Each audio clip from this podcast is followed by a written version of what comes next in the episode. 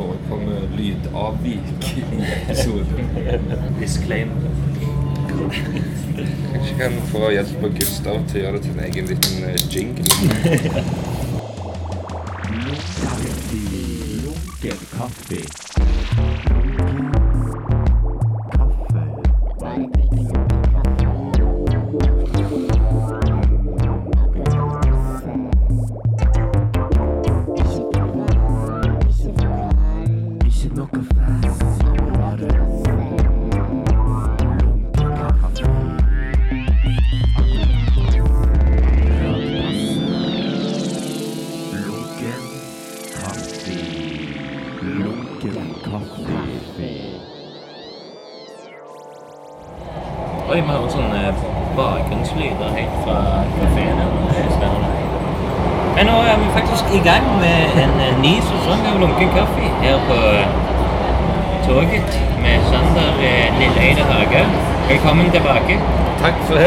Vi må brøle.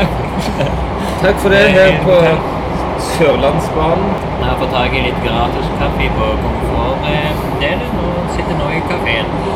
Etter å bli jagt ut, da. Fem til seks minutter. Avstigning høyre side. Ja. We will arrive at Egersund in about five to six minutes. Platform on the right. Ja, veldig, veldig bra. Takk. Takk til deg. Damen. Um, altså, da er vi i på vei til Egersund. Egentlig til Oslo. Så det blir en veldig lang episode, da, med andre ord. Mm. Det tar jo seks timer, så Potensielt åtte. Å ja. Turen tar åtte timer. Vi er i Oslo Det er tidsforskjell. halv syv, tror jeg, vi er framme. Ja. Og nå er klokka halv elleve. Eh, Vi har her faktisk eh, allerede vært i en times eh, times tur. Du fikk nylig beskjed om at du ikke kunne være på komfort. Ja. Eh, uønsket på komfortavdelingen fordi at toget visstnok er fullt. Selv om vi så veldig mange tomme seter gjennom toget. Men det er nok på Egersund de skal okkupere. Det er der komfortgjengen er Alle som skulle egentlig fly fra eh, Sola fra Egersund i dag, Ja. har nok endt opp på dette toget istedenfor, siden det er SAS-streik. Ja, det er veldig aktuelt nytt. Men eh, skal vi ta en eh, gå rett inn på det første faste innslaget lunkent gjensyn. Ja.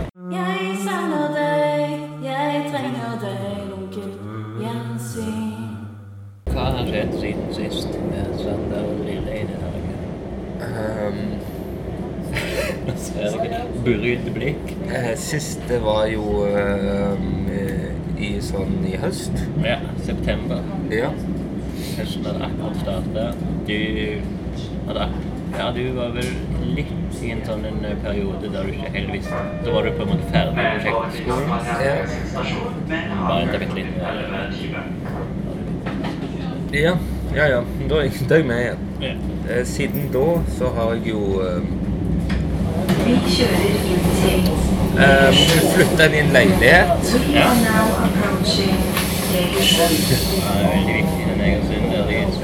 Oppmerksomhet.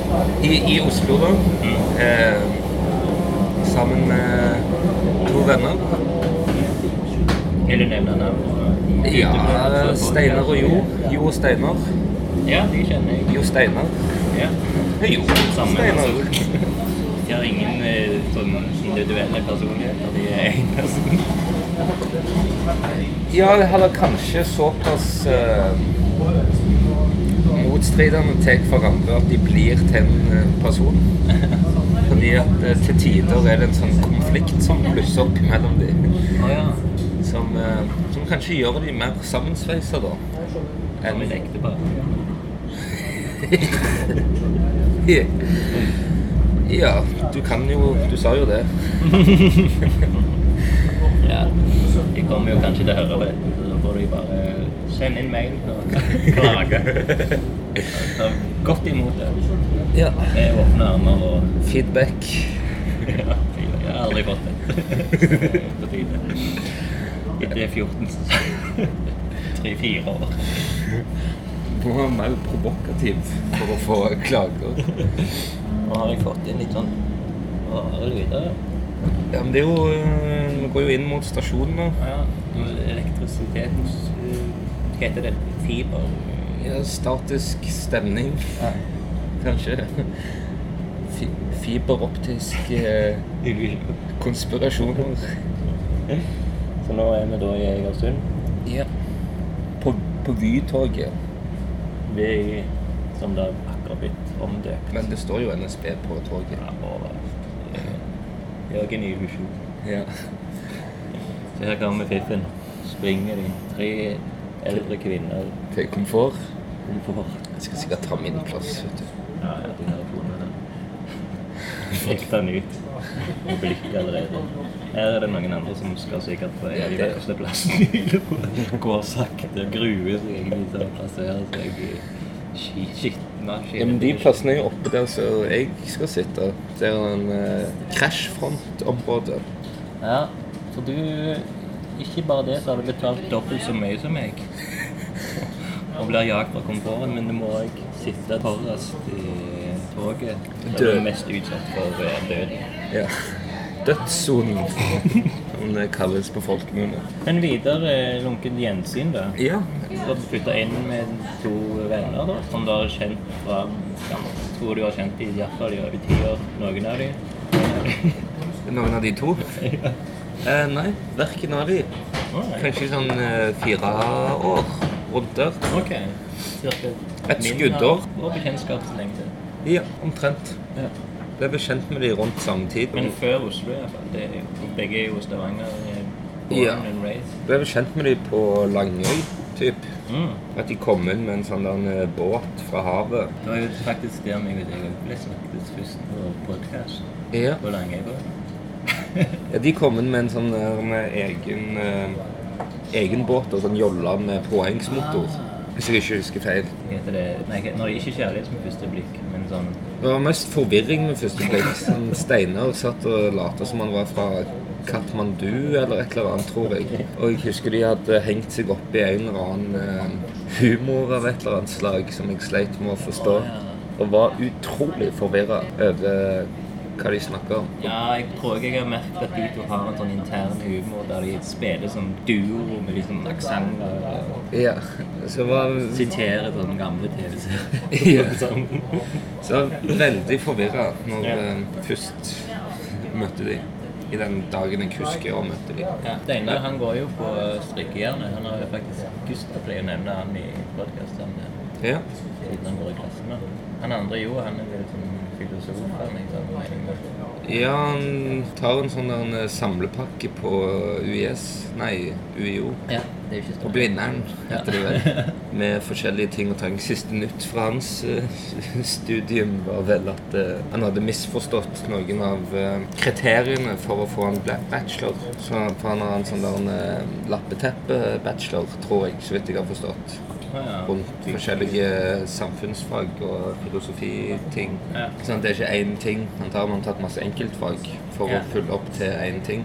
Men så var det noe rart med den tingen. At den kanskje ikke var en sånn ting. Men ja, iallfall flytta inn med de to. Ja. Hatt litt besøk av en katt som heter Bodil der oppe, som var veldig hyggelig. Har vært en del i Stavanger i etterkant, og jobba på Imir. Ja. Så det er jo litt upraktisk plass å jobbe når en bor i Oslo. ja. Det er jo mye pendling. Det er for mye tog. Det er mest fly. sånn 50-50, kanskje. Har du noen sånne eh, favoritting å gjøre på toget? Siden du, det er jo, som du sier, åtte timer. Ja. Og da er det jo Hvordan skal du dreve disse timene? Jeg liker Hvis godt du ikke kan sove på toget? Jeg liker godt å spise mat. Ja. Eh, Medbrakt? medbrakt mat. Ja. Det har skjedd at, skjedd at du har kjøpt rømmegrøt på toget etter jeg har spist opp medbrakt mat, Okay. for å på en måte fortsette å, å spise. Ja. Ja, det er ganske god rømmegrøt, egentlig. Man får med et flatbrød. Um, men det også ser jeg alltid på film mens jeg er på toget. Ja, du har med en annen Datamaskin. Men en laptop. En laptop, ja. Men jo da, tilbake igjen til det lunkne gjensynet. Ja. Så har det jo vært mye fram og tilbake til Stavanger Ja. for å være med og jobbe på forestillinger, men òg være med i en forestilling som var spennende. Den kan vi jo gjerne gå inn på eventuelt litt senere hvis du ikke har fått en øde. ja, det er kanskje lettere da. Hva er i Oslo da? Da bare venter du på et nytt oppdrag i Stavanger? Nei, der har jeg eh, begynt å sitte litt aktmodell igjen. Oh, ja. ja, men det er bra. Eh, På strykehjørnet til skolen til Steinar og Gustav Og Ingmar. og Ingmar. Ja, og det er fint. Det nyter du. Ja, Får ikke noen uventa boner eller sånne ting. der. Nei. Får av og til noen uventa kommentarer fra han rektoren. Han er veldig sånn direkte fra, fra hodet til tungetallet. da. Ja. Han har f.eks. kalt meg en eh, ikke en homo rectus, men en, eh, en homo sofagris i anus. Eller et eller annet sånt. okay. Når jeg hadde spist meg skikkelig opp på sånn wienerbrød og sånn for å liksom, fremme formene mine før denne runden. Og så kom jeg der, og jeg, eh, jeg har fått klask på magen og beskjed om at, eh, at jeg burde komme meg i form. Ja, for det har jo skjedd siden sist. Du har lagt på deg. Ja, har vel det. Ja, var jo òg i USA nylig og spiste Ja. masse cheddarost. Det kan jo òg hjelpe på. Løse mengder. Sånn bare rett fra pakken, tenker du? Ja. Um, litt. Men cheddar, er det det litt tjukke Det den sier sånn gule? Ja. Ja. Hamburger måte. Ja. Hamburgerost. Så er den ekstra god? Den klassiske cheeseburger-cheesen. Hvorfor falt du på den? Jeg syns det er godt med cheddar, da. Så er det jo veldig eh, vanlig i USA med cheddar, så det er ganske billig òg. Ja. Og så bruker de det som sånn ordspill på penger. Cheddar. Ja. Cheddar cheese. Mulig. Det gikk kanskje litt over hodet på meg. Det var mye som gikk over hodet på meg mens vi var der nede. Har du noen anekdoter fra New York-turen? Folk du møtte, eller steder du gikk? Ja, det var, det var en forestilling som jeg prøvde å komme meg på. Som eh, Det var etter vi hadde kommet inn til New York. For jeg var, var med som barnevakt opp til en plass som heter Troy, som var sånn to og en halv time nord for New York. Ok, Troy. Ja. They reminisce over you. sånn gammel hiphop-sanger. Eh, Rakim Rikby. Detroit, they reminisce over you. Ok. Men iallfall når det var ferdig, da, så dro vi inn til New York. Ja. Og den eh, andre, tredje dagen jeg skulle være der, så skulle jeg prøve å komme inn på en forestilling Ja. på en plass som heter The Collapsible Hole. Ok. Collapsible hole. Ja. Mm. Det fallende hullet. Et hull som er i kollaps. Og New York er jo en gigantisk by, så det er veldig lett å gå seg vill der. Men du valgte å spasere. Nei, jeg valgte Da drar jeg til det kollapser. nei, jeg valgte å ta uh, The Subway. Ja. Som er et veldig eh, bra transportmiddel, syns jeg. rundt der. Gratis wifi på stasjonene. Reliable. Billig. Alle vognene virker som å være fra forskjellige tidsepoker. Oi. Du har et sånn The A-Train, sånn 70-talls med sånn trepanel i veggene. Du har sånn eh, F-Train, tror jeg, eller et annet train, som er sånn aluminiums, veldig sånn 90-talls futuristisk-aktige vogner. Eh, mye sånn eh, Ja, veldig gøy å ta Subwayen, rett og slett. Mye musikk på de forskjellige stasjonene. Ja. Er det ennå veldig sånn graffiti tempo eller sånn, eller er det Nei, ikke så mye, faktisk. Ikke på de- Ikke på de Subways jeg var på, da. Men jeg skulle komme meg på en forestilling på The. Collapse. Husker du hva den heter? Ur. UR. Sorry. Enten Ur eller Ur. Eller som jeg sa, Ur. Så det jeg leste. i hvert. Ja, ja. Og denne her var altså en plass som heter sånn 155 Bank Street, typ. Og jeg prøvde å komme meg dertil, og jeg hadde liksom sånn eh, kart på mobilen, men ikke internett på mobilen. Så jeg hadde på en måte prøvd å finne ut av det på denne her eh, Subway-stasjonen Ja. hvor jeg skulle gå. Men jeg gikk meg selvsagt litt vill. Ja. Jeg prøvde å finne en minibank på veien òg, for å ha penger til å betale i døren. Ja, men du, dette her var en solo-mission, så du skulle ikke møte noen Ikke så jeg visste om, ah, Uh, men twist? det kom en twist inni der. Okay. Jeg trodde jeg skulle dra dit alene etter anbefalinger fra noen av de andre som hadde vært i Troy. Som var sånn jeg tviler på at jeg skal, skal være med ungene da, eller bla, bla, bla. Men iallfall når jeg begynner å nærme meg denne adressen, som jeg tror jeg skal være i, så går jeg først én gate feil, kommer på feil side, og det er sånn Må gå rundt igjen, og ett kvartal tar jo sånn fem minutter minst å gå der. Bare én blokk er jo flere hundre meter, virker det som. Ja. Og jeg eh, kom endelig inn på gaten jeg skal på. Og jeg sånn Yes! Går rett vei. Og det begynner å nærme seg grassat med husnummeret. Kommer til det nummeret jeg skal på, 155. Går liksom mot der, og da, liksom sånn, da er det ikke bare én dør. Men da er det i tillegg en sånn 100 meters liksom, åpen gård inn til den adressen. Så det er sånn OK, vi går enda lengre. Og så er det et stort bygg som deler seg inn i masse dører. Og da ser liksom inn i den ene veien, der det er en sånn, der, en, eh, sånn påskefest. En sånn eh, Passein, eller hva det heter. Sånn, eh, ja, en jødisk eh, feiring av påsken. Ja, ja, ja. Den foregår med full spetakkel på en side. Så tenker sånn Er det dette? Har det begynt? Men med nærmere ettersyn så var det sånn Nei, det er bare en fest her. En feiring, rett og slett, av hellige tider. Du så disse Jeg så eh, kalottene. kalotter, ja. Og eh, sånne hår, Krøller. hårkrøller. Ja. Og noen andre sånne store ty, ty, typiske jødiske plagg. ja. Ja. Og ur, og det er ikke så veldig Det høres ikke så jødisk ut. Nei, sånn som jeg hadde forstått, så skulle det ikke handle om uh, jødisk festmåltid. okay. Ja. Så jeg ble litt forvirra og tenkte at nå har jeg jo gått feil igjen. Prøver å snu meg rundt og se på de andre dørene, men alt ser helt mørkt ut. ja. Så jeg snur meg og går ut igjen. Går til bygningen ved siden av, som jeg ser henger sånn halvveis inntil hverandre. Så ser jeg noe sånn graffiti på en sånn vegg der det står sånn et eller annet teater.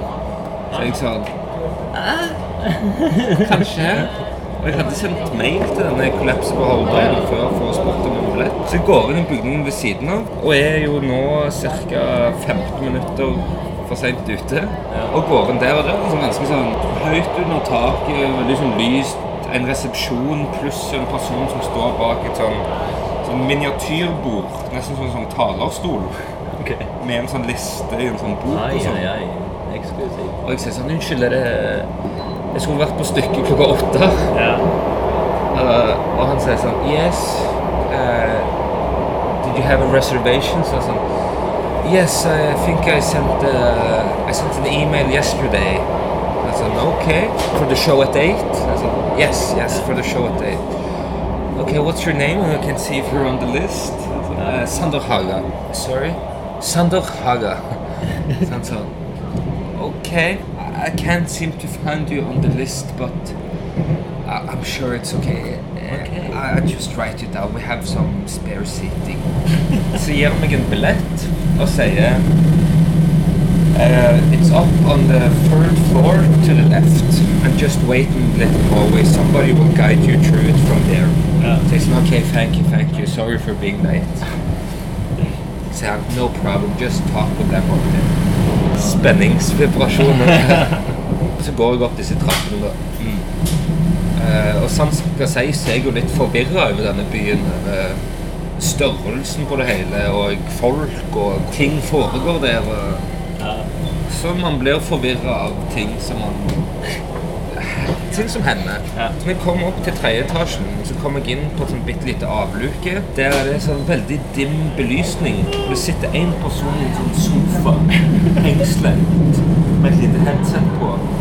Og det står en sånn eh, dørvaktaktig person der foran en dør okay. med sånn eh, snirkelting i øynene. Ja, et eller annet som walkietalkie, uh, høretelefon, ting. Sånn, Å ja, med sånn krøll. ja, er sånn krøll som kan være Og i tillegg sånn som man kan trykke på. Som henger, det er liksom en krøllseng Ja, ja, sånn. mer til en sånn en. Som man kan trykke på og liksom ha festa i eh, dressen. Ja. Og så går den ned til en sånn walkietalkie-aktig gjenstand. Ja, jeg vet ikke om det var sånn eh, FM walkietalkie eller langdistanse, eller om det var Bluetooth eller wifi. Men det var en sånn Securitas-vakt. Eh, Ja, eller Ja, iallfall nesten- teater, kommunikasjon for dør. ja, okay, Ja. Men dette rommet der var jo ganske spennende. For meg som ikke helt visste hva jeg skulle gå til. Bare til en forestilling som heter Ur. En plass som jeg ikke visste hvor var, eller hva som skulle foregå. Ja. Men at det skulle være kunst, hadde jeg en viss idé om. Ja. Så jeg er inne i dette rommet med denne henstengte personen og han her eh, vakten som står der. Og ut fra veggen så kommer det lyd fra et stykke som foregår. Ja. Så du hører snakk sånn at det er en tydelig sånn teatersetting. Ja. Men det er vanskelig for meg å forstå om det er stykket jeg skal på eller ei. Og jeg begynner å tenke sånn Wow, dette er jo et utrolig spennende stykke. Her var det liksom inngangspartiet. Ja. Dette er på en måte en sånn en installasjon, da. Ah, du tenkt at han til og med han som lå henstengt Ja, at det var en del av greiene. Ja. For det var liksom en sånn typisk sånn der rekvisittaktig scenario. Ja. Han lå der. Hvorfor skulle han ligge der henstengt hvis det var et teaterstykke som for- foregikk rett inn forbi? Ja. Og hvorfor skulle jeg få komme inn sånn midt i stykket? Og hvis jeg skulle få komme midt i stykket, hvorfor skulle jeg da stå bare midt der og vente med disse to mens den høyttaleren var på? Så jeg står der en liten stund, og han vakten står og ser på meg og sier bare ta det med ro, bare vent. Og jeg står og begynner å liksom gå litt rundt i rommet og sånn, studere det sånn. Mm, så han ville du skulle vente utenfor teateret? Ja. I retrospekt Spurte du noe, eller bare Ja, for det var det som kom til stykket, da. Ja. Det var sånn Begynte å gå mot døren, som han sto på en måte og bevokta litt i sånn grensland. Sånn autoritær stilling. Ja. Så jeg er sånn Can I go in now? Tenkte du var liksom sånn Man måtte liksom komme seg gjennom rommet, da. på et vis. At dette var en del av kunsten. Løse en kode. Ja, men at det var på en måte en sånn rebusaktig sånn Ja. eh, en, del av greiene var liksom hvordan man kom seg inn. Men eh, etter jeg spør da om jeg kan få gå inn og liksom blunke til henne sånn Cool room. Can I pass on through now? Ja. Så jeg sånn, "Ah, just wait a minute og gir meg et program og spør om jeg har billetten som jeg har fått fra første etasje. Mm. Så gir jeg han billetten, og han gir meg et program tilbake igjen. Ja. Og da ser jeg jo en helt annen plass. Da ser du tittelen på teateret. Ja. ja. Det var iallfall et, sånn, et skoleteaterstykke eh, fra en sånn eh, Westbeth eh, kulturhus. Det en sånn stor sånn skole, da. Som hadde satt opp et teaterstykke som òg begynte klokka åtte. Så jeg ser på han og liksom blir enda mer mistenkelig på dette. her, og jeg sånn Ja, ja, prøve to. Så jeg sånn yeah, But isn't this the, the collapsible hole? Og han er sånn What? Jeg sånn uh, The collapsible hole. Han sa I have no idea what you're talking about. Så jeg sa, what show is this? Sa, I just gave you the program for the show. It's this show. Just wait a minute. It's already started like 20 minutes ago. Sa, but I'm gonna see Ur, the collapsible hole. 155 Bank Street. Isn't this here? No. This is 151. And this is this show that I just gave you the program for. Så det var Bank Street, bare 151. Ja, det var bare tre hus feil. Så da står jeg og er sånn Ok, skal jeg bare bli her, da? Eller skal jeg prøve å rekke denne her andre forestillingen? Ok, nå har det passert 25 minutter. Det kan jo være at dørene deres åpner klokka åtte, og at forestillingen begynner halv. Skal jeg satse på det, eller skal jeg bare komme meg inn på denne forestillingen her? Så jeg står og ser litt på han for å virkelig sjekke om det fortsatt er en del av forestillingen jeg egentlig skal på, eller om jeg tar feil. At dette er kanskje en sånn entrance point. Man kan gå gjennom bygningen og så komme rett inn til det. Men jeg begynner å tenke at jeg faktisk bare står og konspirerer oppi hodet mitt. Og at han faktisk snakker sant når det er det teaterstykket. Så jeg sier well, thank you then, then I'm leaving. Snur meg igjen for å se om det liksom hjelper. Men det er ingenting hjelper. Han andre fyren ligger fortsatt i sofaen og begynner å liksom se litt dummere og dummere på meg. Så jeg springer ut trappen igjen, spør igjen han fyren som står nede i første etasje sånn, This isn't a collapsible hole, is it? Han sier no. What is what? Jeg ikke hva det engang. Så jeg sa It's supposed to be right around the corner, 155 Bank Street. Han sa. This is 151. Ja. En collapsible hole. Han er sånn I don't know, man. I don't know. It's a performance venue. Ja. Han sa 155 Street is just around the corner. You should just go to the address. I jeg sa OK, OK. Går jeg tilbake, det er fortsatt sånn en Passover party. Og det blir sånn Men det er 155 som er Passover-party? Ja. ja. Men så står står jeg og ser på dette her og jeg sånn Det er jo et gigantisk bygg. De bruker bare den delen.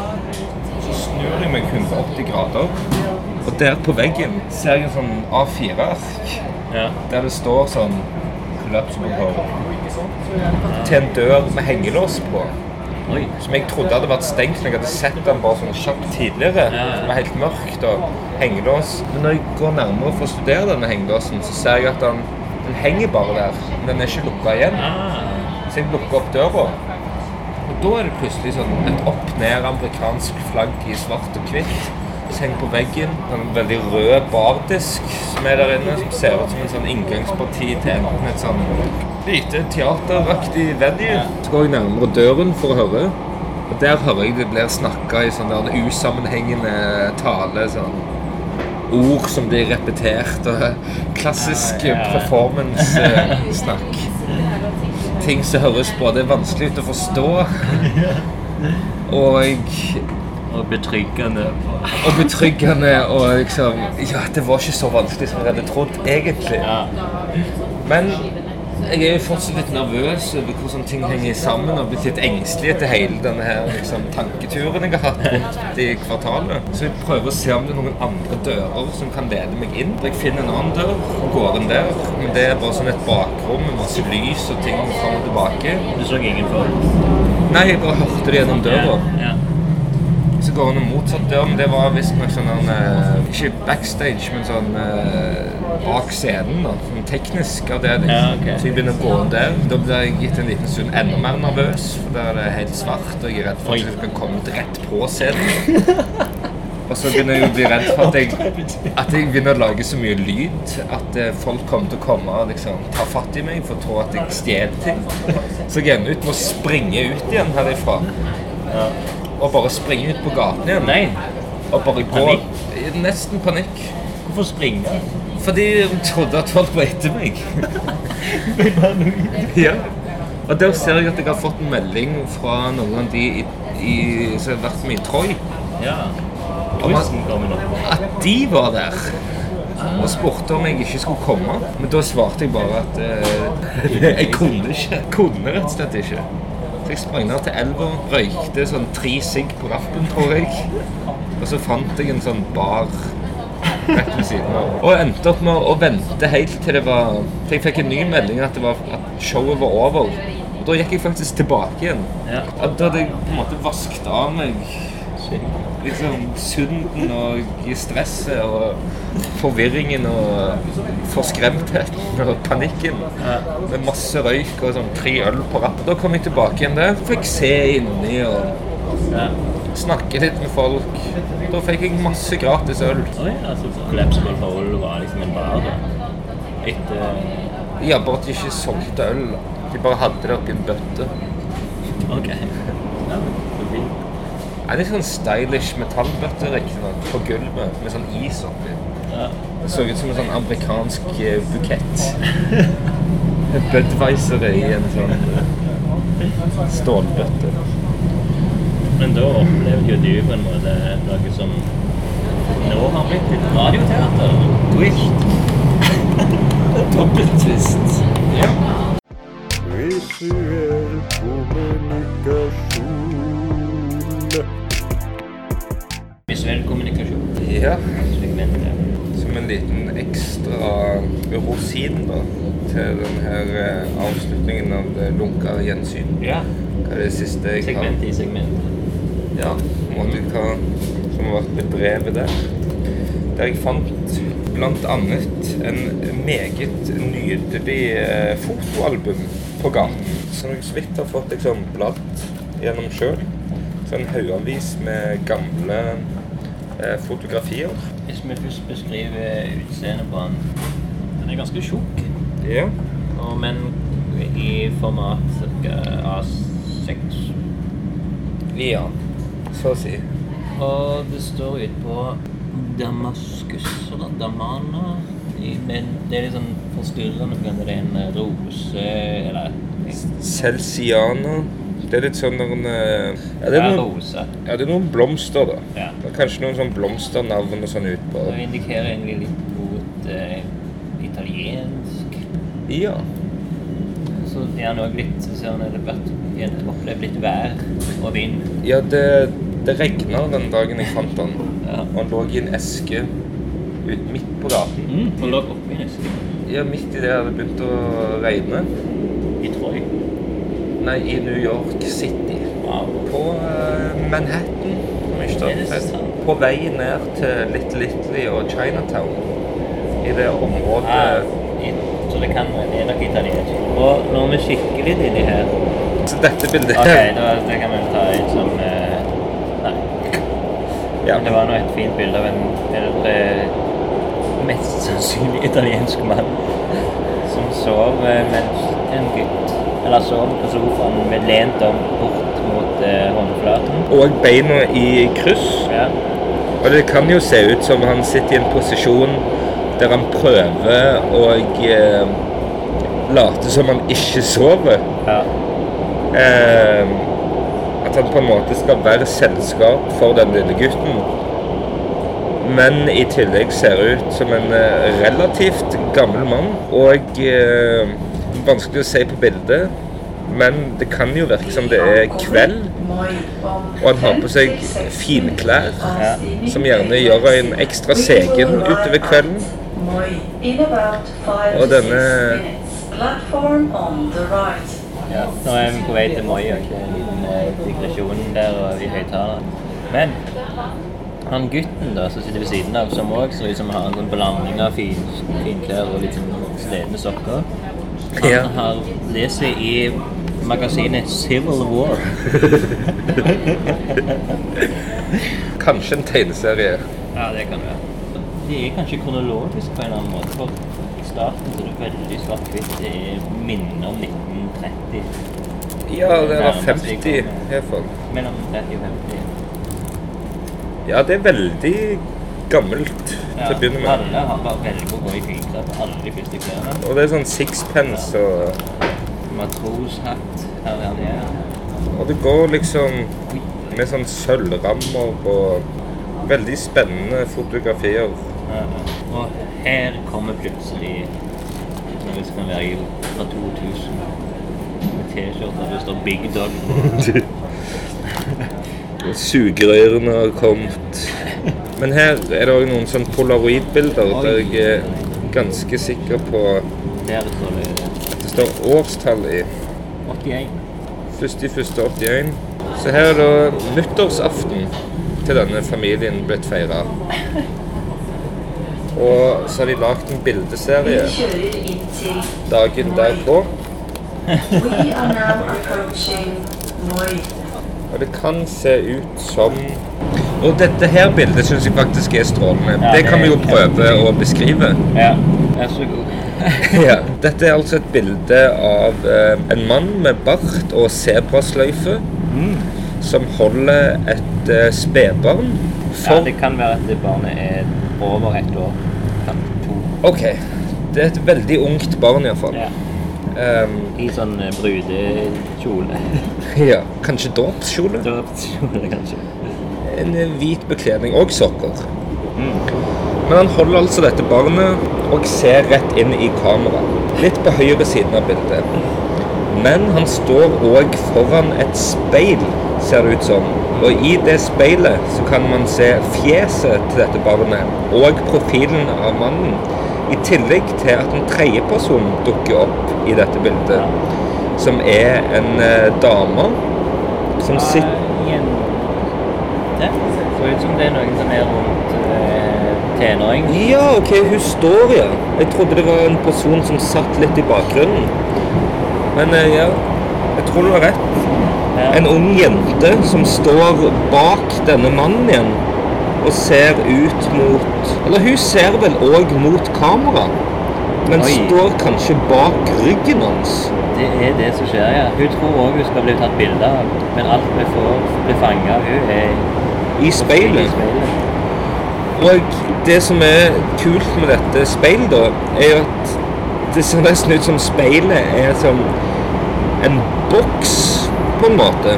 Ja. Sånn at man ser både profilen av mannen, men så ser man òg litt av profilen opp ned. I tillegg til å få en ny vinkel på babyen på et tredje speil som Ja. kommer helt ytterst i rammen av bildet.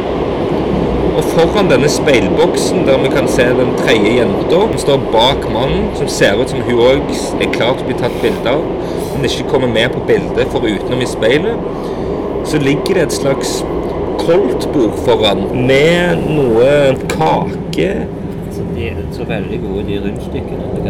og En- Det er bursdagsselskap. en happy birthday duke. Ah. Da er det bursdagsselskap. Og det ser ut som de har en sånn rekekabaret omtrent i bakgrunnen der. Et ytterst interessant bilde, vil jeg sagt. Lunken kaffe. Kan vi snakke her om dagen eh, med noen? Det var liksom en samtale som kom. Vi gikk ut for å ta oss en røyk. Ja. Så kom det noen inn og kom inn super energi. Og liksom Det var veldig herlig. Men ut av denne energien så skjedde det masse. Det var liksom alt fra skjebnen og væren kom inn i denne samtalen ut fra bare en liten røykepause. Er det, det er i Oslo? Det var i Stavanger. Ja. Det var på trappa til Imir der. Ja. Og så var det noen som nevnte da, ut av denne her eh, energispruten av en samtale som det ble, at eh, de hadde lest en bok om noe som snakker om med liksom, sirkler og spiraler og bla, bla, bla. Om det var beskrevet helvete som det å gå gjennom livet sitt gjennom repetisjoner okay, og ende opp med de samme eh, veivalgene uten å kunne ta noen valg, eller at det, at det opplevdes likt hele tida Ja. i forhold til motsetningen, da, som ville vært da himmelen. At man gjorde det samme og levde livet sitt gjennom repetisjoner. Men at de samme tingene føltes forskjellig for hver gang. Hvis det er det samme, at du går i samme Ja. sirkelen, bare du ikke helt har kontroll, da er det helvete. Da er det kanskje kontroll- Kanskje jeg liker et konsept om eh, egentlig mer helvete enn temmelig er litt kjedelig. Ja. Det er så mye sånn, forskjellig som kan skje der. eh. Jeg er spesielt stor fan av de, disse syv eh, ringene ned til, til helvete. Disse nivåene man kan komme på ut ifra liksom hvor moralløs man har vært, eller skjødesløs, og hvor mye anger man har hatt for disse forskjellige tingene. At man gjerne kan ende i to vidt forskjellige sånne ringer av å ha gjort de samme type tingene. Men er det sånn som de syv dødssyndene? Har det noe med det å gjøre, de syv ringene? Um, kanskje litt, men jeg er litt usikker på det. Husker du hva de er? Eh, nei, det, jeg tror det er litt basert på litt sånn Dantes Inferno-type okay. saker. Ja. Der de forskjellige ringene er liksom forskjellige straffer basert liksom områder. da. Den de nederste eh, sirklene, Ja. der har du Der er alt is. Der er man liksom frossen fast eh, i bakken i et iskaldt helvete. Der, og der står liksom Lucifer sjøl. Og, og piner ned i dette her ishelvete. Og det er konstant pine og kulde. Og man er nok naken òg, og flau i kroppen sin. Du får ufrivillig med Ja, ja. Denne, denne frossa, erigert frossa, og man ligger bare liksom sånn at det vannet fører opp, og det er aldri gjort noe med det. Og leppene henger nok fast i noe metall. Visstnok så står òg Lucifer der og knipser folk på liksom nippelen og liksom Og ler og sier fæle ting. Så er det andre deler som er litt mer sånn der folk sliter og må jobbe, typ. Sånn må jobbe. Bære en stein. Sånne ting. Ja, typ sånn helt ubrukelige arbeidsoppgaver som er sånn å flytte en ting fra en plass til en annen, og så fra den plassen så må man gjerne liksom ta en ting som er der, og flytte tilbake den andre veien. Det var en liten periode for ikke så lenge siden jeg var av en eller annen grunn hadde kommet inn i en sånn snurr med at jeg ikke kom meg ut av disse forskjellige ringene av helvete. da. Ja. Fordi jeg følte på en måte I nesten hver samtale jeg kom i, ja. var det en slags sånn eh, dynamisk greie som skjedde. Der mange sendte meg til helvete. Sånn metaforisk, da. Der det flere ganger jeg hadde en følelse av at disse tingene skjedde. Altså en slags form for fordømmelse eller noe sånt. Men òg veldig på en måte abstrakt på samme måte. Ja. ble mer opptatt over hvor man kunne dra ned i disse ringene. da. Og, og gjerne også et forsøk i å, bes i å beskrive dem. Eh, der jeg òg ble veldig opptatt av eh, en sånn idé om å være på cruiseskip med Lucifer gjennom disse ringene. Sånn cruise nedover der. Der jeg i et sånt forsøk på å nyte turen, da, Ja. um, der jeg følte meg mer og mer som fordømt over ting som gjerne ble forglemt, og disse, disse valgene som bare skjedde utenfor min forståelse. Og i et sånn gripende forsøk på å prøve å få tak i liksom, grunnlag til at jeg ble sendt på disse turene ned disse ringene til fordømmelsen og sånn som det. Så ville jeg jo da helst liksom være på et cruiseskip, at det skulle være chill der nede. For, hvis man, sånn, for det er jo en sånn ting jeg tenker med helvete. For at det kanskje er litt kulere enn det er mer spennende, som du sier. Fordi hvis man først er blitt sendt der, så kan man jo gjøre hva som helst uten noen slags form for eh. Ja, dårlig samvittighet. Men når du nevner denne cruiseskip altså, jeg var jo jeg var på et cruiseskip eh, i 2015 av Moby 5060. Og da var det liksom Da var det én plass eh, på cruiseskipet, altså nederst. Et kasino. Der kunne du være Ja.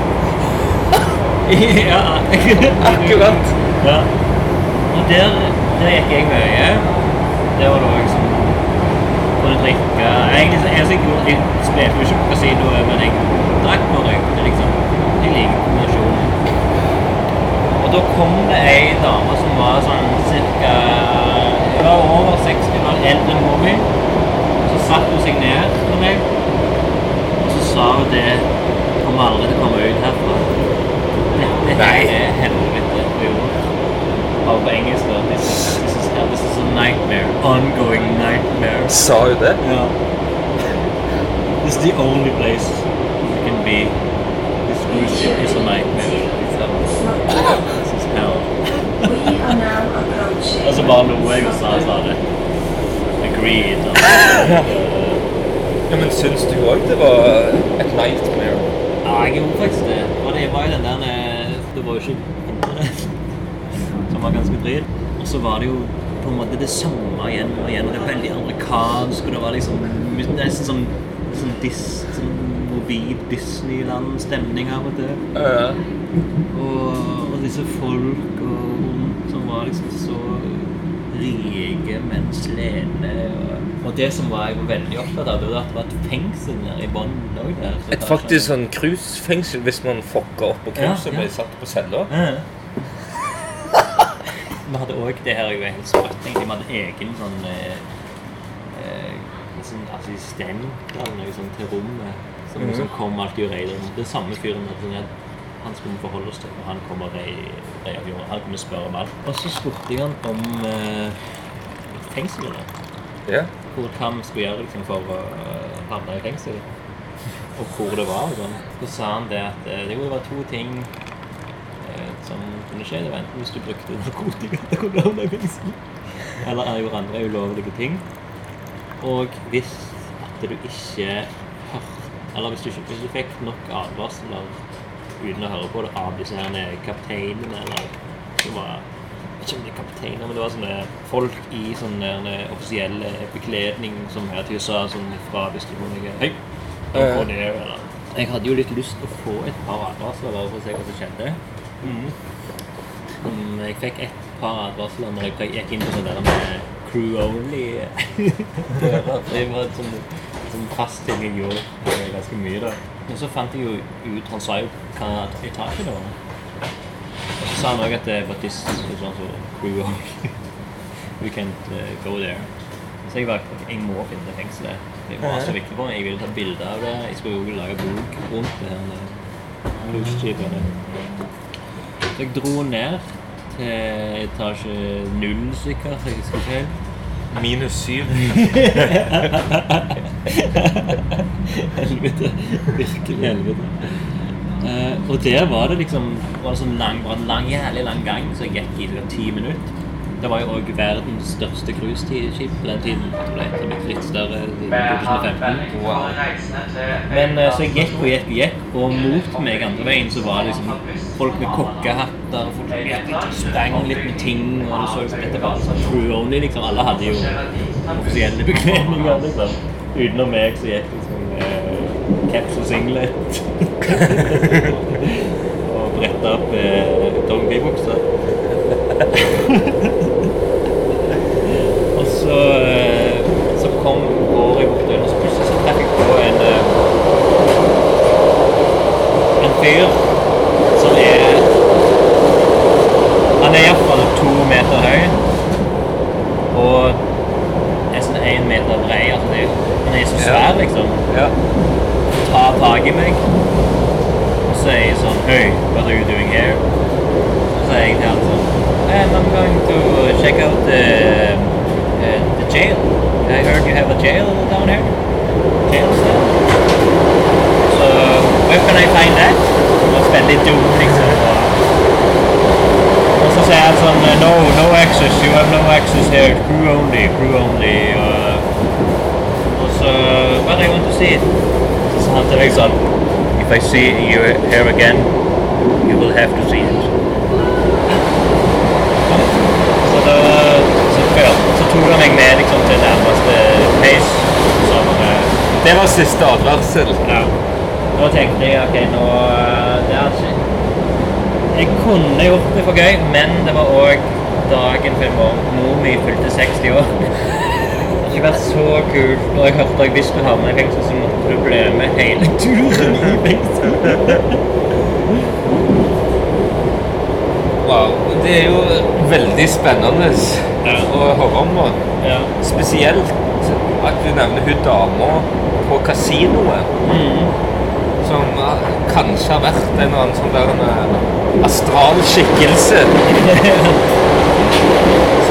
Men det hun også sa, det var at det var mannen hennes dro på disse cruiseturene og skulle ha henne med hele tida. Men hun, hun hata det liksom som pesten. Og så var det en annen ting òg, siden vi på det, som også var utrolig spennende med den turen. Det var at vi var i eh, eh, etasje 14. Og under oss var etasje 12. Så jeg spurte òg igjen han der assistenten vår da, om eh, hvor, nei, hvor etasje 14 var. Nei, 13. Hvor etasje 13. Og så sier han til meg In eh, Royal eh, Air Cruise Ships eller Royal eh, et eller annet merke der There's no 13. there's, there's, altså, 13 eksisterer ikke på din type skip, liksom. Så sa jeg til han sånn But then our floor is 13, right? Så sa han sånn No, this is 14. Og så var det sånn But downstairs is 12. This is 14, sir. Og da kjente jeg Wow, det her er mareritt. Den gamle røya nede i kasinoen hadde rett. Det er veldig godt å høre. For det jeg har tenkt på, da, hvis, hvis jeg sjøl hadde vært på dette her metaforiske cruiseskipet eh, sånn eh, på vei ned disse syv ringene til helvete, Ja. så har jeg jo ofte tatt utgangspunkt i en sånn problemstilling av at eh, jeg er på cruiseskipet, og jeg er i kasinoet, faktisk. Ok. Og siden jeg er på vei ned til helvete, så kan jeg røyke Ja. og drikke Ja. Og jeg gambler for fulle fem, for det gjør ikke noe uansett hvor mye gjeld jeg får. Jeg skal uansett versteplassen overhodet tenkelig. Så jeg hva vil ha drikke?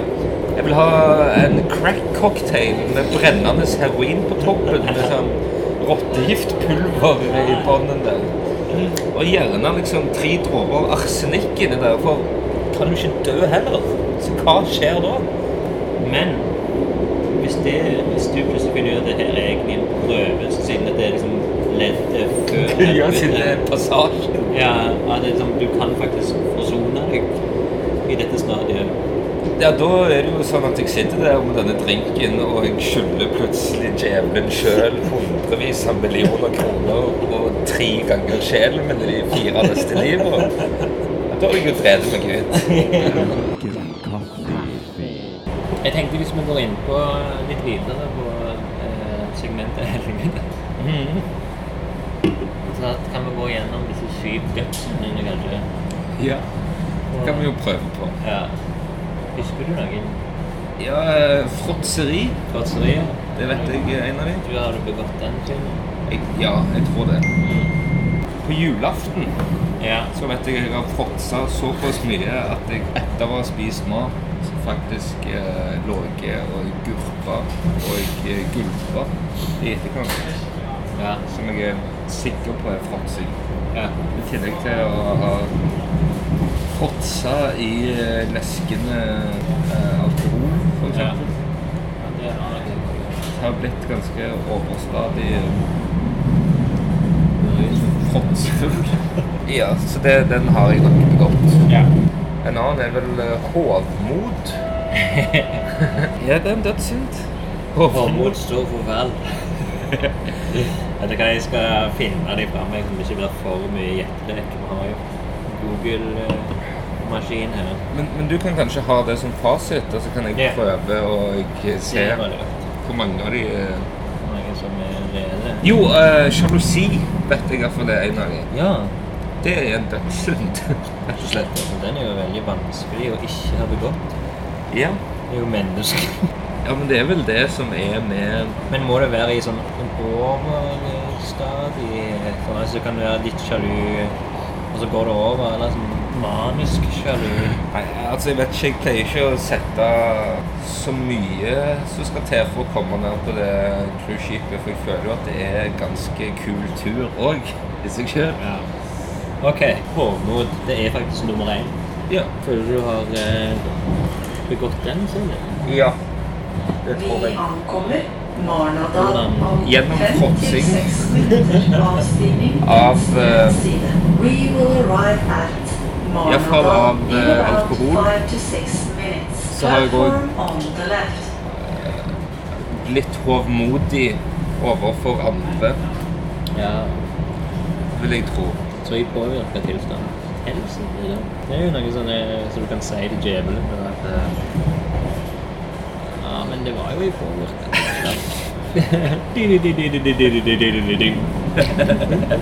Ja, jeg husker faktisk ikke for så lenge siden engang. Så var jeg faktisk hovmodig mot noen folk på en del i De Luca.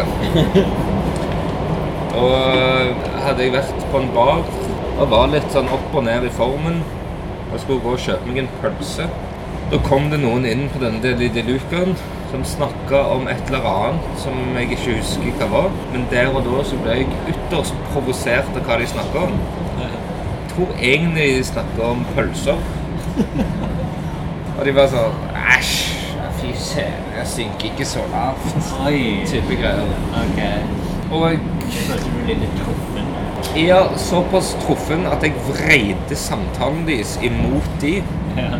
Og begynte å finne et øyeblikk der jeg kunne hoppe inn i samtalen og si at det faktisk var de som var motbydelige. Mm. Og noe i den duren der, og liksom sprang ut med et pang. Det kom et eller annet sånn avsindig raseri over meg, der jeg liksom Vrede? Vrede. Jeg tror det var du gjorde kanskje to eh, dødssynder på samme tre i samme. Fotsing, vrede og hovmod. Wow. Brukte min vrede til å vise et hovmod overfor de med å tråkke ned mens jeg trykka denne pølsa inn i trynet på meg sjøl. Jeg husker ikke helt hva jeg sa, men jeg. Jeg husker i etterkant at det var veldig på kanten. Men følte du òg at du hadde vunnet noe?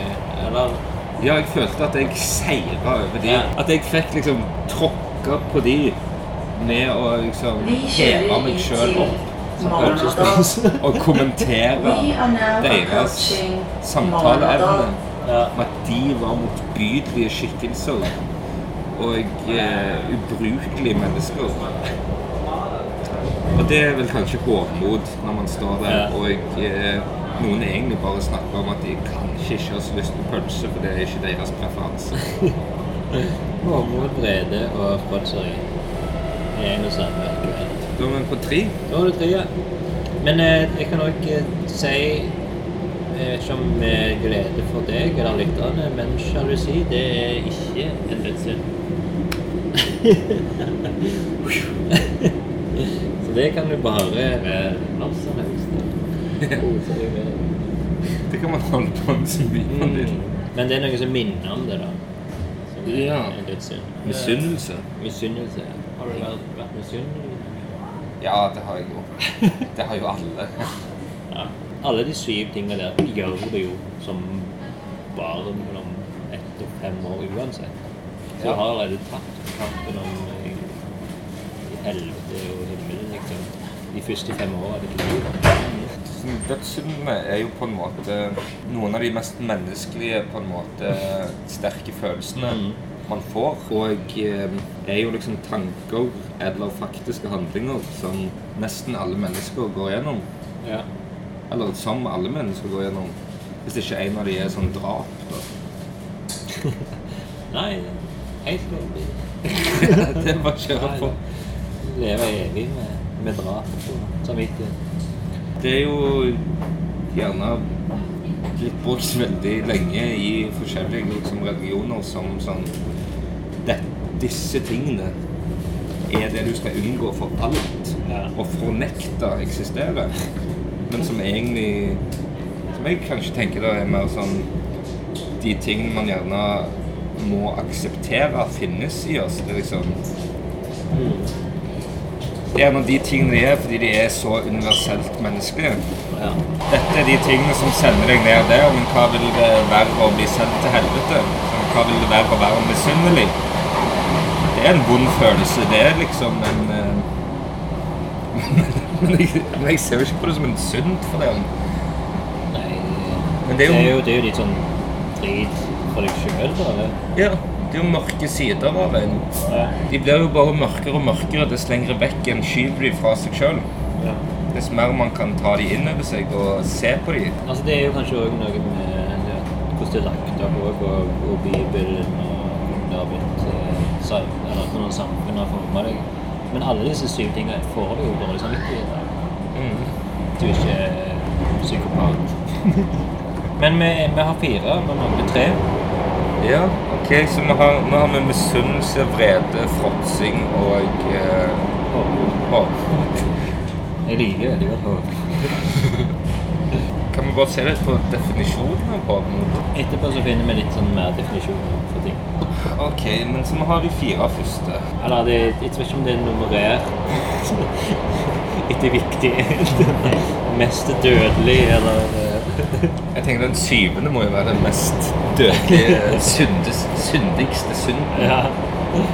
Nei, den er vel den som jeg hadde sikkert minst gjort. Da. Lyking, er det en av de? Nei, det tror jeg handler om de ti bud. Ja, ok. Det er på, det på himmelsida, ja. Det er et eller annet med, med sånn sex og sånn. da. Sånn sodomi eller et eller annet. ja eh, Altså, det er, det, er det er nummer syv du refererer litt til, tror jeg. Ok. Det er det som jeg tror mest har med sex å gjøre. Og jeg kan godt si det utykt. Utukt. Grusomt. Jeg følte det hadde noe med anstendig oppførsel Altså utykt Jeg har ikke peiling på det betyr. Men jeg tror det har noe med sex å gjøre. Vet du? Nei, ikke helt. Det er vel sånn å plage andre, da. Er det det? Ok, den må vi faktisk få finne definisjonen på. Ja, det er jo verstingen av dem. Det er den som får deg helt ned i den syvende sirkel der. Du sitter frosset fast. Utykt er betegnelsen som i første rekke er brukt og dels brukes i Bibelen om seksuelle handlinger. Ja.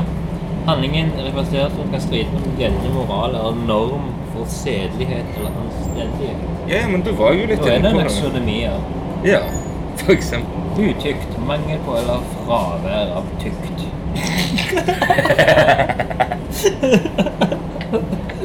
er en betegnelse som i første rekke brukte det i bibelsk, religiøs og juridisk sammenheng om seksuelle handlinger. Handlingene det refereres til, kan stride mot gjeldende moral eller norm for sedelighet eller anstendighet.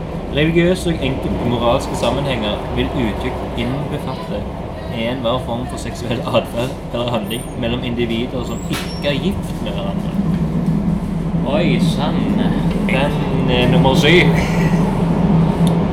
Avhengig av internaliserte individuelle normer og moral enkelte ikke betrakter all slik adferd eller handlinger som uttrykk, men mener at betraktningene er gammeldagse eller foreldre. Dette skyldes ikke at begrepet er blitt betydningsløst, men fordi innstillingene og oppfatninger rundt seksuelt samkvem endrer seg. Hva som er utyktig og hva som ikke er det, vil til enhver tid være avhengig av en kjønnsmessig og gjerne også individuell vurdering. Utykt er en av de syv søtesynder med, primært er begrep utviklet i den katolske kirke. Utykt kalles i denne sammenheng for luksuria, lyst eller begjær. Den kan du sjøl bestemme vet du, om om du har gjort det eller ei, Ok, så det er på en måte siden han er litt foreldet. det som bor inni en, da, av moralsk begjærperspektiv. Ja. Ja. Jeg ville tro at sånn som utbrudd og sånne ting Det spørs hvordan det moralske kan passe inn. Ja, ikke sant? Det er jo vanskelige definisjonsområder. det. Ja. Og den kan du, hvis du vil, si nei på. Ja, jeg tror jeg skriver under på utykt òg, jeg. Ok, Så da har du håmod, misunnelse, vrede, fråtseri og utykk. Da mangler du to til. Det må vel være da Kanskje sånn der eh, Når man ikke gjør noe. Sånn dovenhet eller latskap. Ja, latskap. Det er nummer fire. Yes. Den tror jeg ikke vi trenger en eh, definisjon. Nei, altså, jeg har jo chill drittliv tatovert over øyehullet mitt. Så check. ja, Den trenger jeg ikke gå så dypt inn på. Nei, altså Den, den kjenner jo alle seg igjen i. Altså Det er jo veldig sånn bibelsk det at eh, du får på en måte ikke tid til å være lat i bibelske tider. Mens i dag er det har litt for mye tid til over. Det har kommet Netflix inn nå. Så ja, latskap, det tror jeg egentlig mange Nei, alle kan si seg kjekke på. Ja. Men jeg tror jeg fant fram til hovmod. da. Oi, men har jeg sett den siste òg? Å nei. Gjorde du det? Ja. Lange øyne. Gjerrighet. Ja. jeg prøvde å Siden jeg kom til å klippe vekk denne dydytt-dydytt-dydytt-lyden, så måtte jeg dra vekk mobilen, og da hadde Sander litt lange øyne. Så at eh, gjerrighet var nummer fem. Men gjerrighet Det vet jeg ikke om du er. Jeg har et litt sånn trist eh, Ganske nylig øyeblikk av gjerrighet. Der eh, jeg fikk en venn da jeg var i Beijing. Siden sist? Nei, det var vel liksom 2016-2017. Okay. Noe i den duren. Og da møtte jeg eh, to folk som tok meg med fra Beijing til Tanzania i løpet av en taxitur. Sånn at jeg våkna opp i Tanzania pga. at de bodde på ambassaden til Tanzania. Ok. Og ga meg mat og vennlighet og holdt litt Vennlighet? Ja. Åpent hjerterom og husrom. Og sånn våkna opp der og var veldig forvirra over hvor jeg var. Begynte å gå litt rundt i huset og så ut av vinduene. Det var tåke og så masse vakter og gjerder. Og sånn, jeg havna i fengsel. Husker ikke hvor jeg hadde dratt. Han jeg sånn, prøvde å finne tingene mine og var helt åpent rundt. Så sånn, nei, jeg kan ikke være i fengsel. Kom en av disse fra dagen før, da begynte jeg å huske litt. Og sånn, ah, hei, hvor er vi? Det var sånn, Ambassi. Where? Ambassi, Tanzania. Ambassi, Tanzania. What does it mean? Like, where are we? You're at the embassy, man. Og sånn, you want to go for a walk? Want to eat something? Bla, bla, bla. Ja, spiste litt frokost, sjekke ut. Masse vakter og gjerder. Fikk en jakke av en en dritkul jakke med sånn gullstriper på. Jeg hadde glemt min jakke. Ja, I Beijing. Ja, i Beijing. Da hadde vi kommet helt til Tanzania. Og så når vi gikk ut derifra, da syntes jeg at det var ambassaden. The, the Embassy. Ja. The Embassy. Og, men han ene fyren her da, som jeg har holdt litt kontakt med, heter James, fikk en mail av han for eh, noen uker siden. Nå er det noen uker siden. Nå er det Right. Ja. Uh, har sendt litt mail fram og tilbake. Ja. Brevet.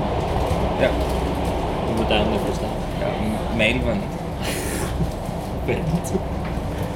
Eh, der han har flytta tilbake til Tanzania og sånn som det. Fikk en mail for noen uker siden eh, der han eh, spurte om hjelp ja, Om pengehjelp da, til å betale skolen for søstera hans. Tenkte sånn hm, Men var ikke en sånn ambassadeunge, da. Hadde sendt en melding på Facebook for å se om han, noen hadde lånt mailen hans til en sånn scam. Og var sånn Hei, men hva skjer? Bla, bla, bla. Bodde ikke du på ambassaden? Kanskje foreldrene dine hjelper deg til dette her hvis søsteren din skal inn på skole? Så det var sånn Er det deg som skriver dette her? Ja. Så var sånn, ja, det er meg. Sånn Ja, jeg husker godt når vi møttes på ambassaden. Da bodde vi hos han fyren. Den andre fyren vi traff. Ja. Ehm, fordi at foreldrene mine var blitt drept. Og de hadde tatt meg inn som en familie. Det var derfor jeg var der og studerte. Eh, fordi de hadde hjulpet meg. Eh, nå bor jeg ikke lenger sammen med de, og det er bare jeg og søsteren min. Og jeg ja, var ikke lenger i kontakt med de fram og tilbake. Og prøvde å fikse 400 dollar til, til at søstera kunne starte på en skole et par uker senere. Jeg var sånn fram og tilbake og var sånn Hadde jo ikke 400 dollar heller, da. Bare sånn Nei, nei. ut av det blå. Det er jo nesten 4000. Du hadde ikke penger til det? Ja, men så fikk jeg en, fikk jeg en ny melding da. Om at, eh, Nodeland. At det var at liksom alle bidrag kunne hjelpe. For de var nå tilbake i Tanzania, og den andre familien var fortsatt i Beijing eller et eller annet. Okay. Kanskje få hjelp fra de mer. Og det var liksom, de hadde allerede fått nok hjelp til at det bare mangla så og så mye. Og da er det den gjerrigheten kom, da. For jeg, jeg kunne jo sendt liksom Jeg blir jo blakk hele tida uansett. Hadde godt kunnet til en god sak. Ja, men istedenfor det så var jeg for opphengt i mine egne ting. Ja. Om hvordan å ha penger nok til neste leie og fram og tilbake. ja. Der han til og med sendte Men det er jo overlevelsesinstinkt der. Ja, men det er òg en dødssynd. Nei, men altså Jeg vil ikke kalle det. Hvis du er gjerrig, så har du jo Har du hatt nok penger til å gi? Har Ja, du hatt det- mer penger enn du trengte, Men det men ville ha de sjøl. Sånn som onkel Skrue eller Skruemektig. Ja. Men jeg kunne jo for eksempel Lånt penger for å få gitar. lånt penger. Jeg kunne snakke med videre familie om denne personen som hadde hjulpet meg i nødens stund. Det har du poeng. Kan jo være at det fortsatt ikke er for seint. Ja, for det var noe nylig. Ja. Det Et par uker siden. Ja. Poenget mitt er at det tygger jo litt på samvittigheten, da, som var en fant ut av eh, sånn gjennomgående ting. Ja, for disse det er akkurat det det. Og det gjør det jo kanskje til en gjerrighet. For hvis jeg ikke hadde hatt mulighet til det, så hadde du gjerne ikke tynga samvittigheten din. Hvis jeg visste at det var sånn, da kommer ikke jeg til å klare meg. Nei, jeg tror det er et kryss på den òg, dessverre. Syv av syv, da.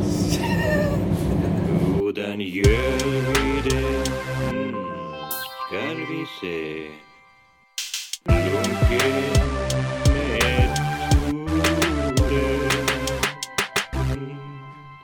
Velkommen til segmentet Lunken metode. Sander Linné i det Haga. Takk for det, Espen Birkedal. Mm, jeg vet du jobber mye rundt krabber. Ja. Men hvis du Hvordan starter du et sånt prosjekt? Hvor begynner du? Eller har du en sånn metode, da? Det er ikke et sånn eh, utgangspunkt. Det er vel som regel å prøve å løse opp i noe som ligger uklart for meg sjøl. Et eller annet som, som kjennes ut som er interessant, uten å klare å forstå hvorfor. Og så prøve å finne forskjellige veier hvor det henger sammen med på en måte interesse og dette her F.eks. krabber, da. Ja. Som ligger som en eller annen sånn ukjent faktor til hvordan det kan henge sammen med andre ting. Sånn som med krabber, f.eks., som har vært et eh, Pågående tema. pågående tema for meg. Nesten i ja, over to år. Ja. Still going. Mm. Du kler deg oransje med din baktanke. Ja, man kan så si. Hadde en, en stund da jeg prøvde å bli til en krabbe, f.eks. Ja. Og så se hva måter jeg kunne finne forskjellige bindingspunkter mellom meg sjøl og, og meg sjøl som en metaforisk krabbe. Hva er en krabbe? Hvordan er en krabbe i et eh, økosystem?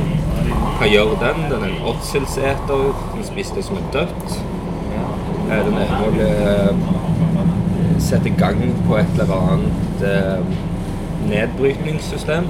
Og så liksom, i forsøket med å bli en krabbe, hva er det som liksom, vi kaster vekk? da? Så er det sånn ting som jeg så på litt likt i liksom, Forsommeren var på en måte all panten som var rundt. Som folk kasta ifra seg. Og eh, hvordan å få gang på noe som allerede holdt på å brytes ned eller var forkasta, eller var liksom sånn over noe. Og så bruke det som, som en hjelp til meg sjøl. Den spiser døde ting, eller ting som synker til bånn.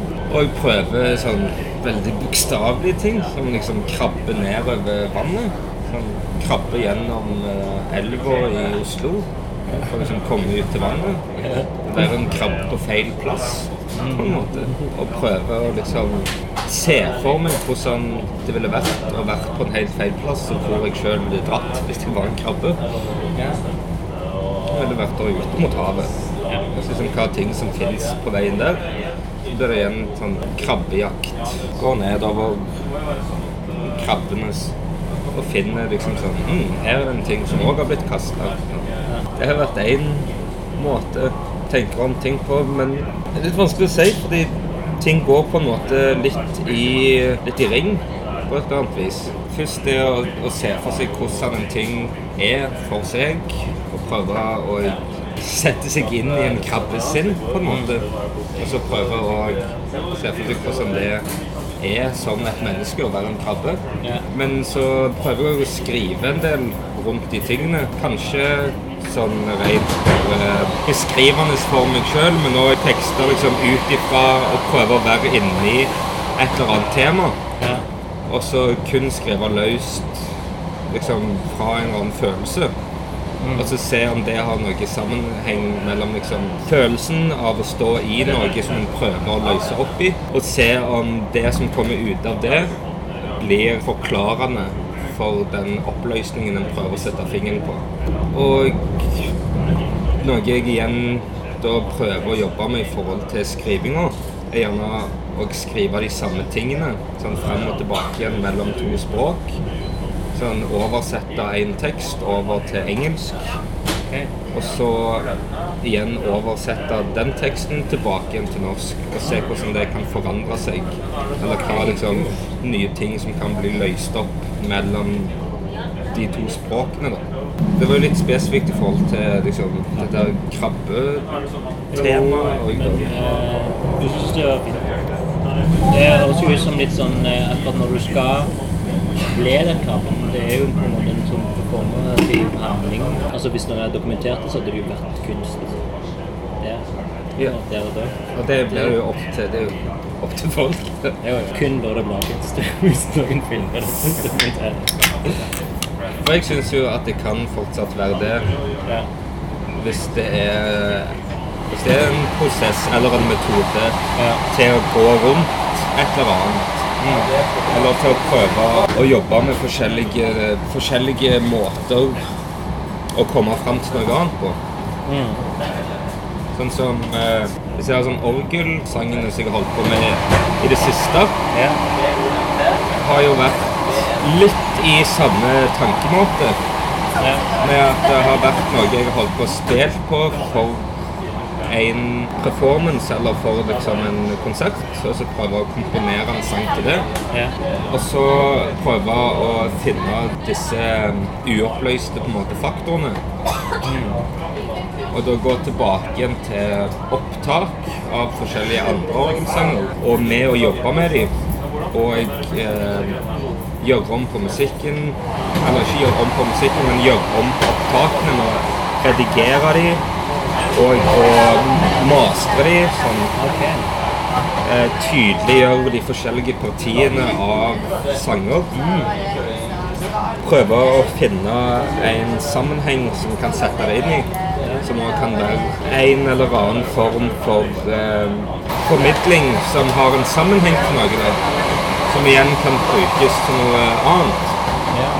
Den første sangen som jeg prøvde å spille inn til å lage til liksom en digital fil, og til å mastre den og redigere den på en måte så det ikke bare var et opptak fra noe, men å, bruke det igjen for å se hva et eller annet uoppløst som har vært inni, kan være. Og ikke bare fortsette å spille og spille og spille, men å gå inn i det som er spilt, og se på det og gjøre det på ny. Litt som å oversette det til noe annet. Som å oversette det fra en tidsspesifikk handling til noe som kan høres på ny og på ny. Til noe kan en jobbe med til en kan liksom se på det som en sang, da. Og så igjen sette flere av de i sammenheng for å prøve å lage en ny narrativ som igjen kan liksom oversettes til noe annet. En sang kan bli til på en måte en serie av sanger, og de seriene og sangene kan formidle noe enkelt. Disse sangene handler om snegler, på en måte. En sneglers tidsforståelse. En snedes tidsforståelse. Eller det er det jeg prøver å kulminere det inn til. Ok. Eller det, det, det går imot, iallfall. Ja. Først én sang, og så en til sang. Og så er den tredje sangen på en måte er bindingspunktet mellom dem. En idé som prøver å eh, formulere mer presist, men at det er liksom en vandring fra en snegle som går inn til et øyeblikk der snegla får liksom et sjokk, eller liksom en, et plutselig øyeblikk av sin egen dødelighet. Oi. Og hvordan det øyeblikket for et menneske kanskje ville vært i ett sekund før man ser en trailer kjøre på en, f.eks. Og hvordan det sekundet kan bli, liksom, bli delt opp i en evighet. Og de øyeblikkene kan bli delt inn i evighet.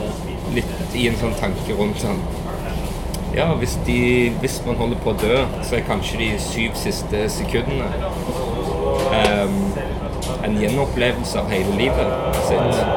Men når man da igjen dør, inni de sekundene, blir da det som føles ut som syv sekunder, der igjen sånn nok en gjenopplevelse der man akkurat har opplevd på ny. Og kan man da bare dele og dele og dele og dele og dele og dele helt fram til man hele tiden er i det øyeblikket fordi man opplever det samme på ny og på ny. Og hvordan på en måte Den siste sangen da er liksom billedlig for meg. Det øyeblikket en snegle liksom er på en landevei og kommet seg midt ut på en asfalt er liksom litt forvirra over dette her og er sånn Hæ? Hvordan er jeg her? Og innser at en gigantisk maskin bak sneglen som da er en bulldoser. Men det har ikke så mye å si for sneglen hva det er. Men poenget er at den sneglen innser at dette enormt svære, um, uforståelige apparatuset som er bak, kommer sakte imot. Og idet den sneglen innser at det er en bulldoser, og kan sanse at den kommer til å flatklemme og knuse skallet og presse denne stakkars sneglen ut til liksom en flat skvett på bakken. Så liksom den dødspanikken som liksom inntreffer. Men òg hvor lenge det øyeblikket kan vare for den sneglen. At det er liksom en 20 noen minutters dramatisk opplevelse der den tiden for den sneglen er på en måte hele livet til sneglen. Og at det går om og om igjen. Fram til det blir knust. Men kanskje den aldri blir knust fordi den på ny opplever sin andre liv før han kommer tilbake igjen til den bulldoseren. Dess mer jeg jobber for å prøve å forstå de tingene, dess mer kommer det fram en eller annen narrativ inni det som blir interessant som en sånn kilde å gå inn i og prøve å beskrive. Da er det liksom å prøve det å løse opp i det sånn uoppløste som ligger imellom. Sånn på samme måte som denne sneglen her prøver å komme seg ut av veien for å ikke bli overkjørt. Bruker lang tid på å forstå at denne bulldoseren faktisk er noe som kan skvise sneglen. Men om den går fram eller til siden, så er den liksom aldri kjapp nok til å komme fram. Og selv om bulldoseren kommer i veldig seint tempo, så er det liksom som om liksom et tog kommer rett foran øynene dine og du akkurat ser lyset. En runddans rundt forskjellige ting, da. Ja. Men det her med å skrive først på norsk, så på engelsk, så på norsk, det syns jeg er en veldig fin måte på. Ja. Den enkle versjonen. ja. Jeg kom på det at jeg vil jo bare gjerne høre om det her med hvordan du plutselig sto på IMI-en under en eh, Sandsmark Finlay-utstilling og leste dikt. På Blackbox. i Oslo. ja, det er noe. Den reisen der eh, ble først først spurt om å være med om vi kunne være med som assistenten til innsatte Peter Warren, som skulle komme og hjelpe å lage noen sånne skulpturelle greier da, til stykket. Ja. Som kunne liksom bli inn som en slags sånn Mer en sånn installasjonsfølelse av scenografien. ja. Og eh, under den samtalen som vi er åpent for om å kanskje involvere en ekstra person til visse ting som kanskje kunne være meg. Men iallfall bare være med som assistenten til han for å være med å bygge og ha noen som kjente byen, som kan være med å finne materialer og sånn som det. Og først med i to uker da, med han, men da må jeg være liksom med i samtalene rundt stykket liksom etter øvinger om hvordan vi tenkte rundt forskjellige ting. Og eh, etter disse to ukene da på en måte prøvde mer og mer å sammen å finne inngangspartier. For det fungerte bra å jobbe i sammen på den måten òg. ja. Å finne inngangspartier til å være med inn i stykket på forskjellig vis. Og dro vekk i sånn en uke kanskje, for å komme tilbake igjen med den ideen, i tillegg til å, og at Pete også skulle komme tilbake igjen etter en uke vekke. Han både skulle være med for liksom, i byggeprosessen, men òg med i øvingene på liksom, et fullt plan. Ja. Så begynte det vel litt gjennom prøving og feiling, og òg som en veldig sånn for min egen del en sånn direkte eh, emosjonell gjenskapning av følelsen av å prøve å finne en plass i et stykke som allerede har blitt holdt på å jobbe med i over et år. Um, med masse andre involverte. Og hvordan det skulle kulminere inn i en ting som ikke bare var å være med, men hvordan det skulle være med og gjøre noe i forhold til hvordan en sjøl er med på noe, og hvordan det føles. Sånn at liksom, det begynte på en måte med en sånn direkte sånn, å snike seg inn på scenen. Og liksom titte fram mellom busker og kratt. Ja. Og liksom krype rundt som en sånn creep. Det var sånn det føltes ut å prøve å bare gå inn i noe liksom gjennom det. Men i hele tiden være i disse samtalene om hvordan ting opplevdes og hvordan ting var. Og liksom fra å være i en sånn en tvil om en sjøl hadde noe å komme med i forhold til ting, til å forstå og kjenne seg trygg i at det en gjør og det en jobber med, eh, bidrar til en videreføring av ting. Og da Jeg vet ikke, for, for meg iallfall, å klare å formulere og uttrykke en sånn direkte kobling mellom hvordan det føles å dra inn i noe som allerede er ganske etablert, og ha noe som kommenterer sin egen ting i forhold til noe som handler om noe helt annet, en plass og et sted, og hva den plassen og stedet gir fra situasjoner i den formidlingen av det. Så ble det òg til liksom andre segmenter i stykket. Ja. Stykket var jo mye i, å gi en sånn idé av et instrument, på en måte. At alle delene av det hang sammen. Scenografien og musikken og pro- projeksjonene um, skapte bevegelse til de andre tingene. At dansen ga bevegelse til projeksjonene, som ga bevegelse til hvordan musikken førtes an. Og de forskjellige musikerne tar hverandre og så ut igjen. Um, så det var på en måte inngangen da med å være med og jobbe og snakke, og så hvordan det føltes ut som noe fruktbart for, liksom, for meg i forhold til å lage noe.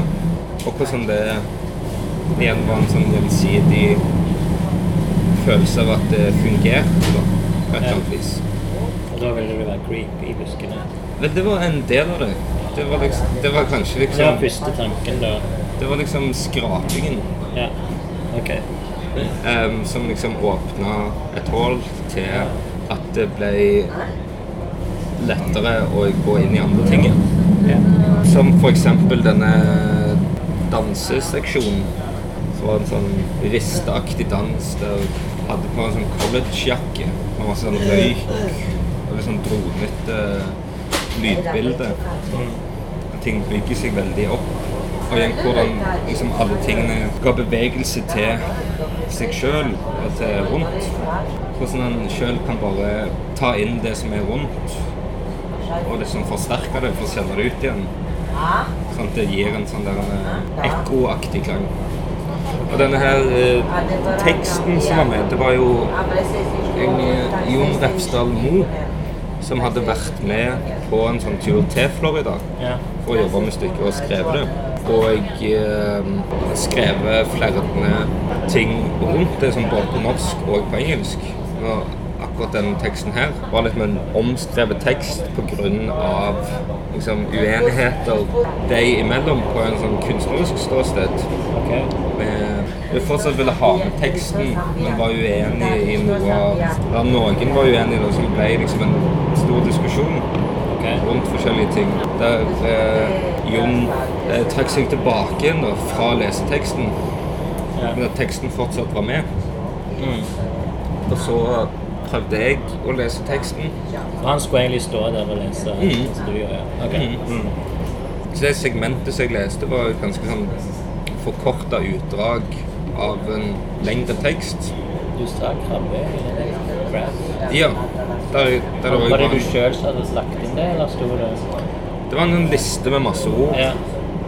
der jeg stokka mye om på de ordene. ja, ok. Og- Du gjorde det til din egen vri Egen twist, iallfall.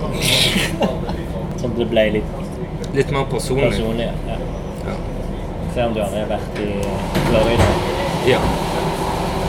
For et stykke heter Lowlands. Lowlands, ja. Som var på en måte om Florida. Ja. Så da fikk du lese opp det. Og du, og, eh, du hadde jo tre roller, da. Du var òg han som lagde margarita. ja. Serverte margarita. Danste som en creepy i bakgrunnen, iallfall i slutten. ja som Ja, en, eh, lista det kanskje, ikke som en eh, sukkerspinnmann. Hadde en sånn sukkerspinnmaske. Hadde- du det? Ja, det var, det var veldig sånn mørklagt der baki. Ja. Det var sånn, eh, og egentlig det som du mest viste deg, var, eh, var på den diktopplesningen. ja. Som var iøynefall, mest iøynefallende. Mm. Men eh, altså, du har jo eh, Sånn som jeg har oppfatta deg, du har jo ingen frykt i sånne setninger. Du har vel eh, gått gjennom masse sånn teater lignende greier.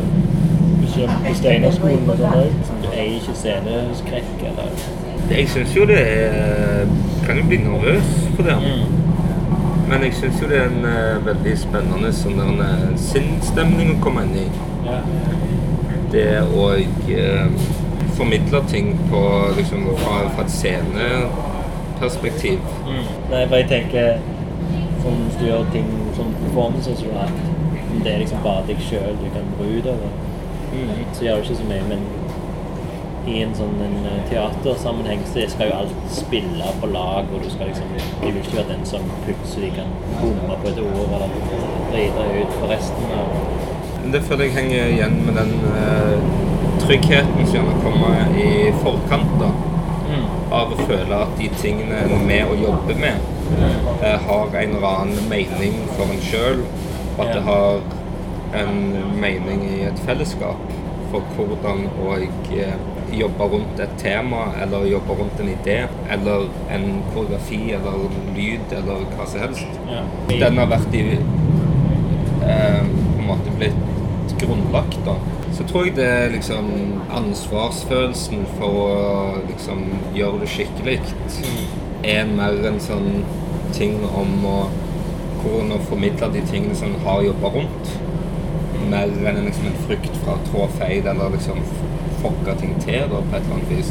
Den eh, staten å gå inn i da, til å formidle noe i den tingen Ja. at den går litt ut av Den går inn i forskjellige roller. da. Den går Ja. ut av seg sjøl som individ og inn i en eller annen maskineri som skal fungere. Ja, det er jo skummelt. For det er det. Men eh, minutter. Altså, det er ikke mer skummelt enn det å søle masse kaffe foran, eh, bartenderen på NSB-kafeen. Det var jo kalt for bartender. ja. offisielle navnet. NSB-kafé. Men for det, det er når jeg, når jeg så denne forestillingen Lowlands, da, det er jo så mange elementer der som gjør at det fungerer så bra.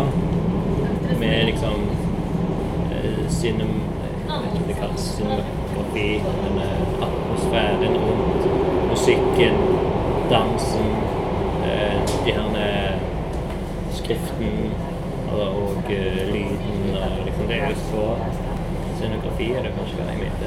Cinematografi. ja. Det er så mange ting. Det er så, det er så liksom komplekst, og det er jo selvfølgelig Hvis vi har holdt på i over et år og gjøre det klart ja. Jeg hadde jo ikke det. Nei, men du kom inn litt seinere. Ja. Men han Jon-karen han hadde kanskje òg skrevet det diktet om og om igjen i over et år før han sa fuck it, jeg gidder ikke. Og overlevere det til deg. Men da var han liksom uten eh, Altså da ga han fra seg ansvaret, la det over til deg. da han eide ikke rettighetene på det lenger. Det var noe som var skrevet for den produksjonen, Ja. På en måte. Ja, nei, men kult. Jeg syns jo det var kjempebra. Men jeg er jo veldig spent på hva som skjedde på Black Box. da. Jeg leste jo anmeldelsen av Low... Lowlands? Lowlands. Lowlands. Lowlands. Lowlands. Og der sto du i Klassekampen med Shanda. Sander er laga. Det sto liksom Så det må jo ganske stort. Ja, det er kult. Så, men på Blackbox, da var ingen nervøst. Var var Vi egentlig kjører inn Var det til spesielt? Nele. som Det, skjedde i forhold til det e-mail? ganske sånn eh, Det er annerledes enn på e-mail. Mm. Der det er liksom er sånn hjemmebane. Og der har det vært med å jobbe med tinga. Ja. Liksom kodet inn i scenografien. Mm. Så var det jo dagen etter den andre forestillingen Eller etter den andre forestillingen pakka ned ja, det var jo kvelden det, ja. I eh, sånn eh, frozen margarita-tilstand. Pakka ned ting, fortsetter neste morgen og pakka hele formiddagen fra morgenen av. Kjøre bilen samme dagen til Oslo, fullt av hellasset. ja. Komme dertil, og så fra kveldinga etter liksom salen var ledig, begynne å sette opp hele dagen. Og selvfølgelig litt feil pga. mine egne sånne forskjellige ting jeg hadde ansvar for. F.eks. mål til hvor teppene skulle være i forhold til så og sånn og sånn og sånn. Så ting tar tid, ikke sant? Så jævlig mye ting. Altså holde på til langt på natt. Så plutselig neste morgen igjen holde på til det som føltes ut som liksom bare i ett kjør, helt fram til forestillingen skulle starte. ja. Og så er det liksom forestilling, så det liksom sånn, jeg har ikke så mye tid til å tenke på andre ting enn bare sånn Ja, ja, du begynner jeg Skulle hatt en dusj, men ja, ja. Jeg er sikkert svett uansett. Håper ingen kommer og lukter på meg i første forestillingen. Gikk fint. Fint nok. Ja. Følte det var, Og jo som sagt annerledes da enn nede på Imir. Ja. Så andre forestillingen, den syns jeg kanskje ble den beste for min egen del. Ja, okay. Da hadde du dusja i mellomtiden? Da dusja jeg mens jeg spiste middag. Hatt noen timer i forveien til liksom sånn Og eh, Nei, jeg fant ut det. liksom siste forestilling på en stund. Og Det gikk litt feil Ja, det. Platt er det ja. Andre forestilling gikk bra. Ja, den gikk dritbra. Ja. Da føltes det liksom ut som en sånn megatrøkk. Mm. Og eh, at liksom dagen før hadde jo gått bra, det òg. Men det hadde vært litt mer sånn Jeg bare dytta ut siste delen av energi, da. Det var jo en såpass omfattende scenografi at de gjerne skulle ha trengt mer tid. Mm. Skulle vært flinkere å planlegge hvordan de setter opp på forhånd. Ja. Hatt bedre mål. Men andre var liksom var megadeilig deilig og eh, fått gjort det. Og da var det liksom mye større trygghetsfølelse. og- Ja.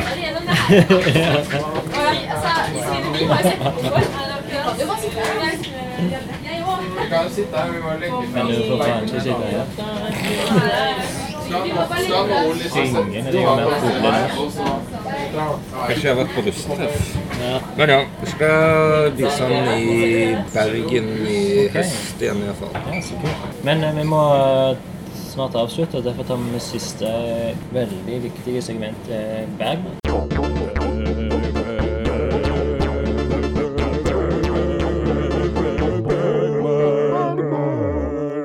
Du skal igjen velge en bokstav mellom A og Ø.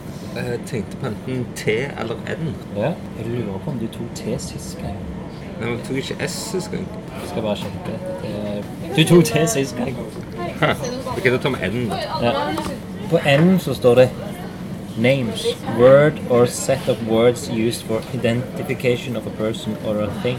Så vi skal finne navnet på episoden med names. Uh, Bergmans work reveals a pen- penchant for a few very specific names. Name Vogler, which is unusual but not entirely rare in Germanic languages, is related to birds, Vogel in German, Vogel. As Bergman is said to have been afraid of birds. People named Vogler in his films, such as The Magicians, are seen by critics as threatening characters. But at the same time, Bergman's work features Vogler characters without any overtly malicious traits. Like Elisabeth Vogler in Fasoon. The real reason behind Bergman's repeat use of his name, of this name, will probably remain a secret.